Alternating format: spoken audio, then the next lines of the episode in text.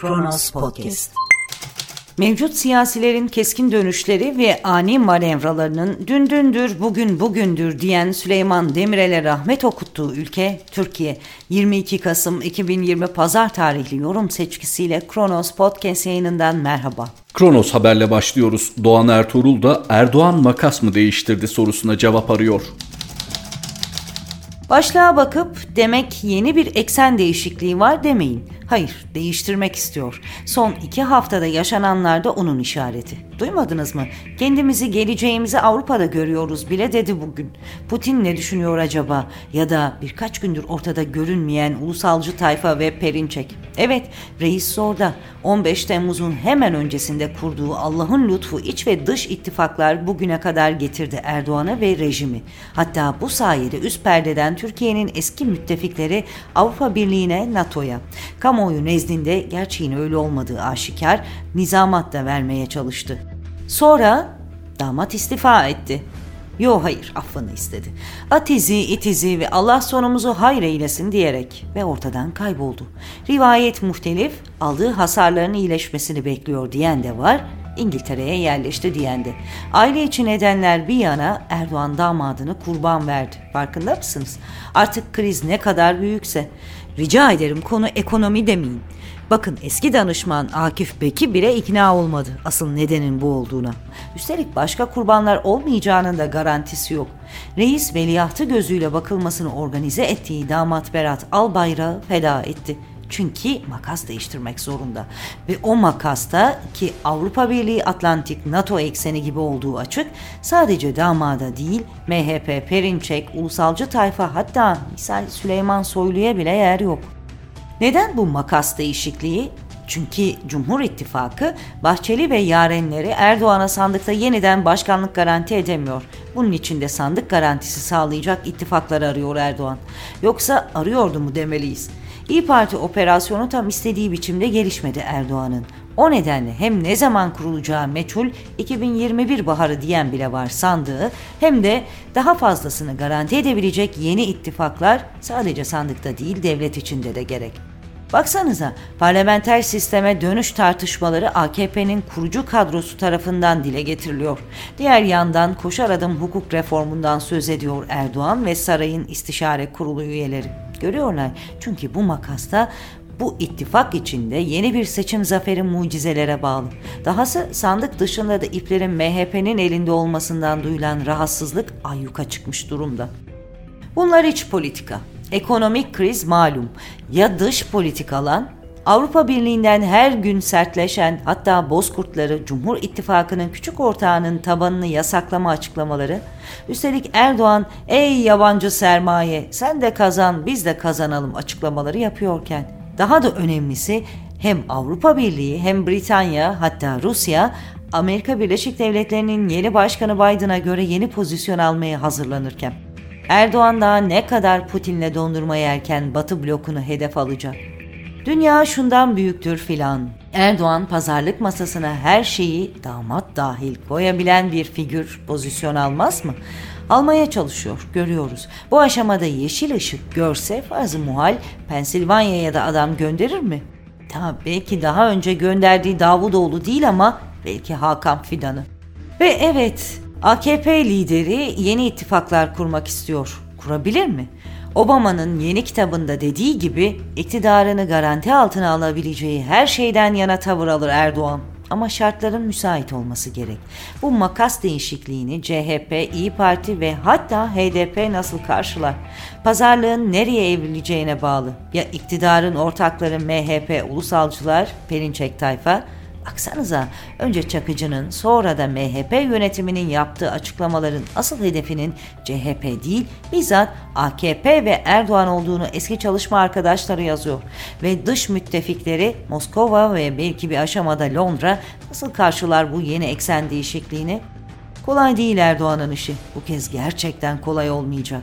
Erdoğan'ın yanılmışız Allah affetsin diyerek değiştirebileceği bir saf değil bu. Doğan Ertuğrul imzalı satırlarda Kronos Haber'den sonra adresimiz bir gün. Yakup Kepenek'in de bir sorusu var. Ekonomide reform mu?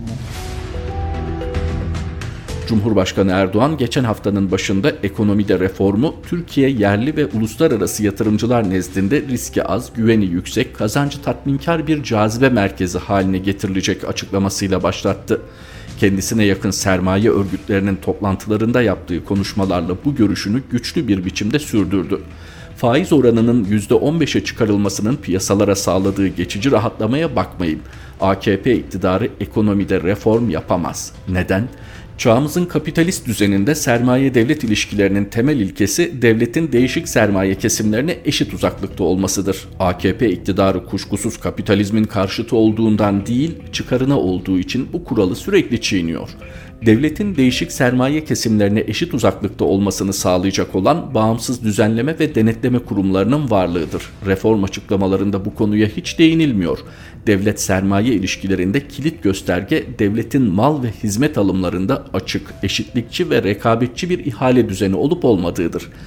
Böyle bir düzeni hedefleyen kamu ihale kanunu AKP tarafından 191 kez değiştirildi. Kamu alımlarının ve işlerinin tamamına yakını çağrılı ihale ile yürütülüyor. İktidarın böyle bir açıklaması henüz yok ama reformun ilk adımı olarak kamu ihale kanununda yapılan değişikliklerin tümü düzeltilse bile bugüne dek yapılan ihalelerden doğan büyük kayıplar ne olacak? özellikle taşıt, yolcu ve hasta garantileri verilerek yaptırılan ancak bu garantiler gerçekleşmediği için bütçeden milyarlarca lira, dolar, avro ödemeleri yapılmaktayken hangi sermaye AKP'ye güven duyacak? Dahası yıllar boyu yandaş sermayenin yarattığı yandaş basın yayın, cemaat ve vakıflara aktarılan milyarlar açıklanacak mı? Ya yandaş basın yayın uygulamasının bu topluma verdiği kısa ve uzun dönemli zararların karşılanması olana hangi reformla sağlanacak? Ekonomide reformun bir parçası mı bilinmez ama devlet sermaye bağlamında hafta içinde inanılmaz bir gelişme de yaşandı. İçişleri Bakanlığı Kanal İstanbul'un bir devlet projesi olduğuna karar verdi ve İstanbul Büyükşehir Belediye Başkanı Ekrem İmamoğlu hakkında soruşturma açıldı. Böylece Türkiye'nin bir yıllık üretim değerinden fazla 800 milyar dolar rant yaratacağı kestirimi yapılan Kanal İstanbul'un yerli ve yabancı sermaye için gerçek bir çekim merkezi olduğu güvencesi verildi. Kurumsal yapısını ve ihale düzenini bozan iktidar oluşturduğu yapıyı dağıtmadan ekonomiyi düzeltemez. Bunu da yapmayacağına göre reform girişimi boşunadır. Kaldı ki bozmasını bilen yapmasını da bilir kuralı olsa olsa çok basit inşaat işlerinde geçerli olabilir. Ne hukuk ne de iktisat tarih boyunca ve hiçbir ülkede yıkanın yaptığına tanık olmadı. Bu ülkede olmayacak.'' Bir günden aktardık Yakup Kepenek'in satırlarını Yeni Asya'dayız şimdi de. Büyük bir beklenti olduğu doğru. Onun için belki hemen herkes şüpheyle soruyla karşılıyor. Faruk Çakır da hukuka ve adalete dönüş mü diyor.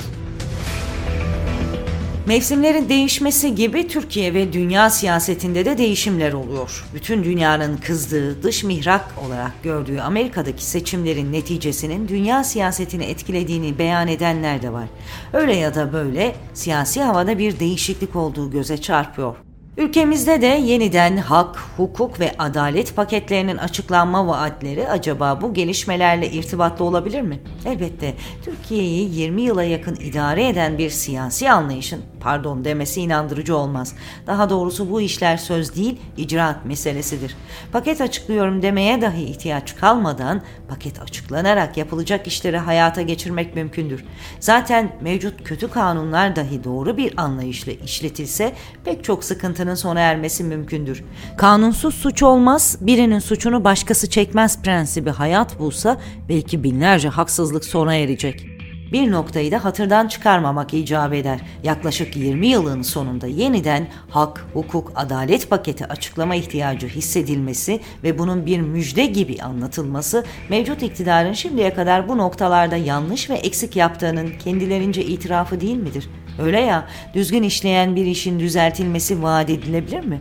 Bundan sonra bu işleri doğru yapacağız demek bir anlamda şimdiye kadar yanlış yaptık demektir. Peki yanlış yapıyorsunuz, haktan, hukuktan ve adaletten ayrılmayın diyenleri 10. köye kovmanız ve her türlü haksızlığı, ithamı ve karalamayı yapmanız nasıl izah edilecek? Türkiye'de öyle bir hava estirildi ki hak, hukuk ve adalet demek suç gibi anlaşıldı. Haktan, hukuktan bahsedenler birilerince medya eliyle linç edilmeye ve damgalanma için bahane edildi. Yapılan bunca haksızlığın karşısında susanların durumu da ayrı bir madde olarak ele alınmalı tabii ki. Belki de Avrupa'dan gelen seslerinde bu paketlerin açılması vaadine bir etkisi olmuş olabilir. Avrupa Birliği Dış İlişkiler ve Güvenlik Politikası Yüksek Temsilcisi Borrell, Türkiye ile ilişkilerde gidilecek yöne 10-11 Aralık'ta yapılacak Avrupa Birliği Liderler Zirvesi'nde karar verileceğini hatırlatmış ve ilişkilerimizde dönüm noktasına doğru yaklaşıyoruz demiş. Bize ne Kopenhag kriterleri, Ankara kriterleri bize yeter diyenler yanlış yaptıklarını anlamış görünüyorlar. Kim ve ne zaman yapılır bilemiyoruz ama Türkiye mutlaka hak, hukuk ve adalet yoluna girmek durumundadır. Bu yol hem milletin hem de devletin menfaatine olan yoldur. Son 20 yılda yaşananlar bunu bir defa daha göstermiş oldu. Keşke bilinen gerçekler bir daha denenmeseydi ve bunca yıl kaybetmemiş olsaydık. Faruk Çakır'ın satırlarıydı. Yeni Asya'dan yeni yaşama geçiyoruz. Cumhurbaşkanının İngiltere ile ilişkilerine dair ilginç bir iddia var. Zafer Yörük'ün sorusu. Erdoğan rejimi majestelerinin mi himayesinde? Richard Moore 2014-2017 yılları arasında İngiltere'nin Ankara Büyükelçisiydi. 1 Ekim 2020 tarihi itibarıyla dış istihbarat işlerinden sorumlu İngiliz Gizli Servisinin başkanlığına getirildi. İlk dış ziyaretini 10 Kasım günü Ankara'ya yaptı ve sarayda İbrahim Kalın'la bir görüşme yaptığı basına duyuruldu. Görüşmede Dağlık Karabağ'daki barış süreciyle Libya ve Suriye gibi dış siyaset meselelerinin ele alındığı belirtildi. Bu ziyaret daha çok Muğur'un muhatabı Hakan Fidan yerine Kalın'la görüşmüş olması üzerinden değerlendirildi. Kalın'ın gözünün MİT başkanlığında hatta görüşülen meseleler itibarıyla Dışişleri Bakanlığı koltuğunda olduğu, Erdoğan'ın Fidan'a güvenmediği gibi birçok spekülatif yorumun konusu oldu. Bu nedenle de ziyaretin zamanlamasının önemi gözlerden kaçtı. Muğur'un son ziyaretinin Dağlık Karabağ Savaşı'nın sonlanma süreciyle çakıştığı ne kadar doğruysa Berat Albayrak'ın kovuluşunun hemen ertesine ve yeni faiz artırımı paketinin ilanının da arifesine denk geldiği de o kadar doğru. Ayrıca saraya kadar gitmişken Kalın'la görüşüp Erdoğan'la görüşmemiş olması da inandırıcı değil. Ne de olsa gizli servis her şeyi kamuoyuyla paylaşmıyor.'' Erdoğan ve ekonomiden sorumlu çevresinin dar boğazanlarında yaptıkları İngiltere ziyaretleri sonrası ekonomik rahatlama dönemleri yaşandığı biliniyor. Bu kez ziyaretin yönü ve makamı farklı ama içeriğinde yeni bir sterlin musluğu gevşetme karşılığında ekonomik reform ve yargı reformu gibi gündem maddelerinin de yer almış olması hiç de ihtimal dışında değil. Moore kritik anlarda Türkiye'de bulunması ya da ziyaret etmesiyle bilinen bir şahsiyet. Büyükelçilik görevine başlaması 17-25 Aralık operasyonlarının hemen sonrasına denk düşüyor. 15 Temmuz vakası sırasında İstanbul Başkonsolosluk binasında verilen davette daha ortada bir şey yokken gazeteci Murat Yetkin'e sahi sizin askerler ne yapıyor diye soruyor. Yetkin de bu sırrı 4 yıl boyunca saklamayı belli ki bir vazife addediyor. Brexit sonrası ABD, Rusya ve Avrupa Birliği ile ilişkilerini yeniden düzenleme sürecinde olan İngiltere için belli ki Türkiye önemli bir stratejik aktör ve dış ticaret partneri. Ticari ilişkiler daha çok yerli ve milli silah sanayinin gelişmesi sürecinde etkili oluyor. Örneğin 15 Temmuz akabinde Başbakan May'in yaptığı destek ziyareti 800 milyon sterlin tutarında bir silah satış anlaşmasına da vesile olmuş savunma sanayi ticaret hacmi o tarihten bu yana 1,5 milyar sterlin tutarına ulaşmış bulunuyor. İnsansız hava araçları ve silahlı insansız hava araçları teknolojilerinin gelişiminde İngiltere'nin payı biliniyor. Üstelik Karabağ Savaşı sırasında Kanada ve Avusturya teknolojik desteği çektiklerini açıklarken İngiltere'nin desteği sürüyor.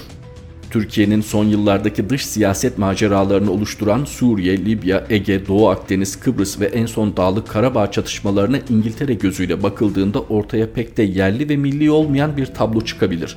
Bu bakışla ve ekonomik finansal kaynak arayışlarıyla birlikte Erdoğan rejiminin dış siyaset ekseni kadar iç siyasetin gidişatı da yeniden okunabilir. Ancak işin içinde MI6 olduğuna göre birçok tartışma başlığı sır niteliği taşıyacak ve yapılacak yorumlarda spekülatif olma riski içerecektir. Bu riski de göze alarak son bir not. Moore'un Ankara ziyaretinden hemen sonra ABD Dışişleri Bakanı Mike Pompeo İstanbul'a geldi ve saray zevatını es geçerek Konstantinopol Ekümenik Patriği ile bir görüşme yaptı. Aynı gün Konya'da hava üstünde iki İngiliz savaş uçağının eğitim uçuşları yaptığı kamuoyuna duyuruldu. Yeni Yaşam'dan aktardığımız Zafer Yörük imzalı satırlar bu birlikteliğimizdeki son paylaşımımızdı. Gülden Gül Batıbay Şahin ve Mehmet Şahin yeni yorum seçkimizde Kronos Podcast yayınında tekrar buluşmak üzere. Hoşçakalın. Kronos Podcast